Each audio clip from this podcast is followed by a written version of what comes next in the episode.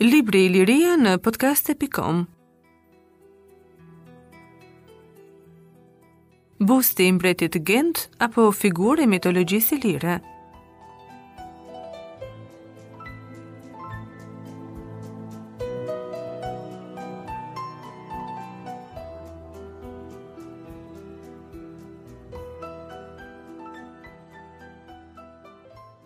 Ndikimi i kulturës dhe i artit helen në viset veriore të vendit tonë ka qenë shumë i dobët dhe i përciptë dhe nuk arriti kurrë të pasqyrohej mbi kulturën autoktone ilire në atë masë që vërejmë në hinterlandet e ngushta të dy metropoleve të mëdha të Adriatikut, Dyrrahut e Apolonisë, apo në trevat e Luginës së Vjosës e më në jug.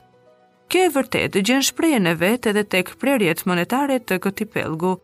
Ndërsa emblemat mbi monedhat e Bylisit, Amantisë, Olimpes janë pothuajse po ato që ndeshim edhe mbi monedhat e botës tjetër greke, me të cilat këto qytete dhe krahina të pavarura prej tyre kishin marrëdhënie të ngushta ekonomike dhe kulturore. Figurat që mbushin dy faqet e prerjeve të Lisit apo të Shkodrës përfaqësojnë shfaqje karakteristike nga puna dhe jeta e popullit ilir. Detarinë të simbolizuar nëpërmjet anijes së mirënjohur të tipit Liburn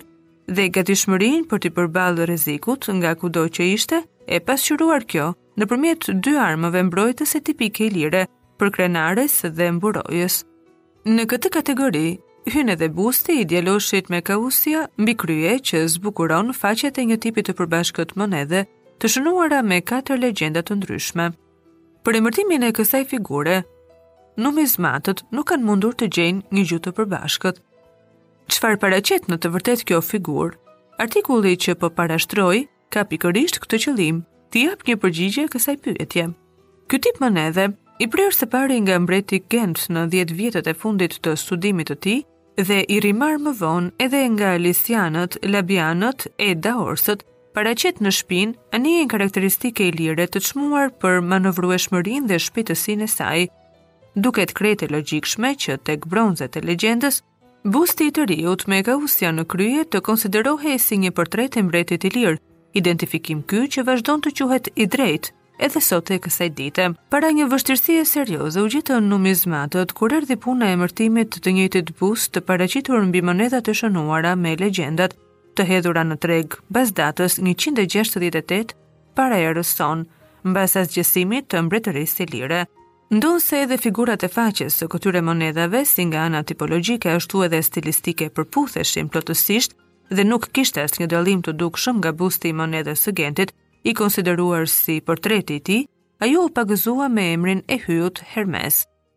Kjo ishte një zgjidhje jo e kënaqshme, prandaj emërtimi u shoqërua me një pikëpyetje. Dritë të re në sqarimin e këtij problemi hodhi zbulimi i viteve të fundit i një monedhe me legjendë deri atëherë të panjohur. Monedha e re e zbuluar në rrethin e Kukësit nuk ndryshon nga tipat e njohur më parë të Gentit, Lisit, të daorsve, veçse nga legjenda.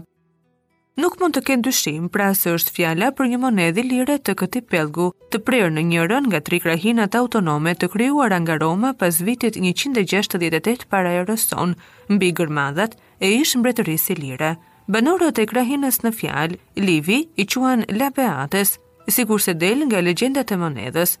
Nga përshkrimi i historianit romak, nuk del qartë se si quheshin të dy krahinat e tjera, por edhe në këtë çështje janë pikërisht emblemat e monedhave të cilat na tregojnë udhën e zgjidhjes. Është tipologjia e përbashkët e monedhave dhe legjendave që na ndihmojnë ta plotësojmë peizazhin e paqartë të Livit dhe t'i emërtojmë të tre krahinat pseudo-autonome si të Lisianëve, Labianëve dhe Daorsëve. Emërtimi i tri krahinave me ndihmën e monedhave lejon edhe një përkufizim më të qartë dhe më të përpiktë të truallit, mbi të cilin shtrihej mbretëria ilire në kohën e sundimit të Gentit. Ajo ngjan të ketë përfshirë në gjirin e saj një trevë mjaft të gjerë që zgjatej nga lumi i Nerantës në veri deri në lumin e Matit në jug. Për nga lindja dhe juglindja, fqinjët e saj ishin Dardania dhe Maqedonia. Sikurse katër rajonet maqedone, ashtu edhe secila nga tri krahinat ilire, siç del tërthorazi nga Livi, ruajtën një farë autonomie lokale, krejt të përafërt, të shoqëruara edhe me të drejtën e prerjes së monedhave, të ushtruar më parë nga mbretërit. Ato hodhën në tregun e brendshëm kryesisht malor, ku shkëmbimi në natyrë ishte duke u zëvendësuar shkallë-shkallë me tregtimin me monedha, monedha me emblema lokale të mëparshme, karakteristikë kjo që vërehet edhe tek prerjet e njëkohshme të rajoneve maqedone. Në këtë kuptim, duhet shpjeguar dhe vlerësuar edhe lidhja e ngushtë tipologjike e monedhave lisiane, labiane dhe daorse me ato të Gentit dhe jo si prerje të autorizuara nga mbreti ilir. Genti, të cilit i takon merita e shndërrimit të shtetit ilir nga një shtet vasal i kohës së Pleuratit në një shtet të përparuar, të pavarur e të fortë të tipit helenistik, nuk mund të kishte arritur këtë objektiv pa krijuar më parë një bazë të fortë ekonomike, siç ishte centralizimi i prerjes monetare. Si terminus post quem, të prerjes së monedhave që shënohen me emrat e tri fiseve ilire, vjen prandaj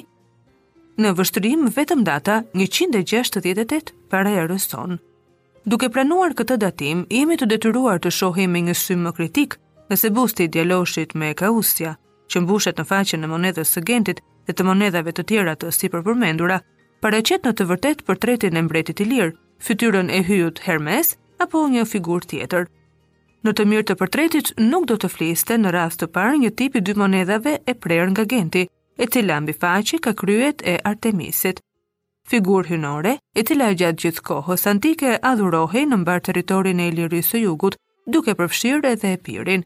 Nga ana tjetër do të kishte qenë një marrëzi politike, një provokim pa kurrfarë objektivit të caktuar, në qoftë se sundimtarët e rinj të vënë në krye të tri krahinave me pëlqimin e Senatit romak, do të kishin pajisur monedha të reja me fytyrën e mbretit të lënë prej tyre në baltë në çastin vendimtar të betejës me romakët. Një veprim i tillë do të kishte shkaktuar patjetër ndërhyrjen e menjëhershme të Romës, pa aprovimin e të deleguarve të së cilës në tri krahinat pseudo autonome nuk mund të vihej në jetë asnjë vendim me rëndësi. Pra, as ngritja e punishteve monetare, as edhe përcaktimi i emblemave, me të cilat do të pajiseshin këto monedha. Për një veto nga ana e Romës nuk pat nevojë, këtë na e vërteton prerja në dorë të dytë e monedhës labiane, pa po ashtu e monedhës së të njëjtit tip të Lisit, nga e cila njohim gjithashtu dy variante, sigurisht edhe këto jo të njëkohshme, as kishte arsye pse të ndërhynte Roma, mbasi figura mbi faqet e monedhave të tri krahinave e trashëguar nga monedha e Gentit, siç do të përpiqem të vërtetoj më poshtë, nuk kishte të bënte fare me portretin e mbretit ilir, busti i të riut me kausia, që zbukuron faqen kryesore të katër monedhave tipologjikisht identike, por të ndryshme përsa i përket legjendave, nuk ka kurrfarë lidhjeje as me Hermesin, as edhe me ndonjë hyni tjetër të panteonit helen apo romak, cilin paraqet kjo figurë e përbashkët e monedhave ilire. Kausjen, si mbulesë koke e ndeshim kryesisht mbi prerjet monetare të krahinave të Greqisë, në Maqedoni, Etoli dhe Iliri.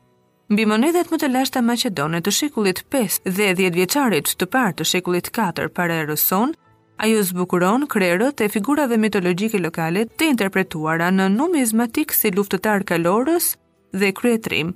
Për të fundit herë, mbi prerjet maqedone, atë e ndeshim edhe mbi një tetradrahme të Filipit të dytë, si mbulesë koke të një kalorësi me mjekër. Mbi monedhat e Lidhjes Etole, të datuar në vitet 279-168 para erës tonë, kausien e mban Etoli Stërgjyshi legjendar i fisit si dhe një figurë femre e konsideruar si personifikimi i Etolisë. Pra në të dyja rastet, qoftë mbi monedhat e Maqedonisë apo të Etolisë, kausia përdoret si mbulesë koke e personaliteteve mitologjike lokale të adhuruara nga popullsia e dy krahinave para depërtimit në këto rajone të kultit të mitologjisë të pasur helene. Një simbol hynor të krahasueshëm me Petasosin e Hermesit dhe një mbulesë të zakonshme koke, paraqitet edhe kausia e portretit të mbretit me origjinë maqedone të Baktrisë së Largët, Antimahut, të cilit mbi tetradrahme të tij i pëlqen ta quajë veten mbreti perëndi. Emrin mbi një faqe të monedhës së Lisit do ta afroja më në fund me një toponim të sotëm fshinj me krahinën ku pre monedha, Me emrin gjeografik Rodon, Kepi i Rodonit i quajtur nga populli edhe muzhli i Skënderbeut, ndodhet në një trevë që nuk pati pësuar dhe aq nga dyndjet e huaja, të cilat patën ndryshuar në një përqindje të fortë toponiminë e trashëguar ilire të atyre krahinave të shkelura prej tyre. Do të mendoja prandaj se tek toponimi kepi i Rodonit, i cili na përmendet edhe në dy dokumente mesjetare të vitit 1324, në trajtat Redonum Rhodones, na është ruajtur një emër i lashtë, një toponim i trashëguar nga fondi gjuhësor ilir.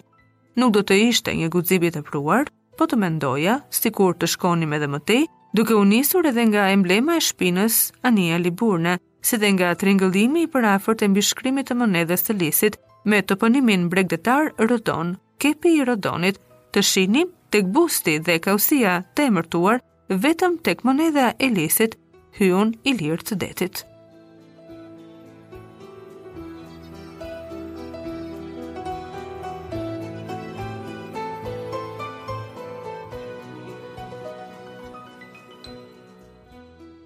Busti i mbretit Gent apo figurë e mitologjisë ilire,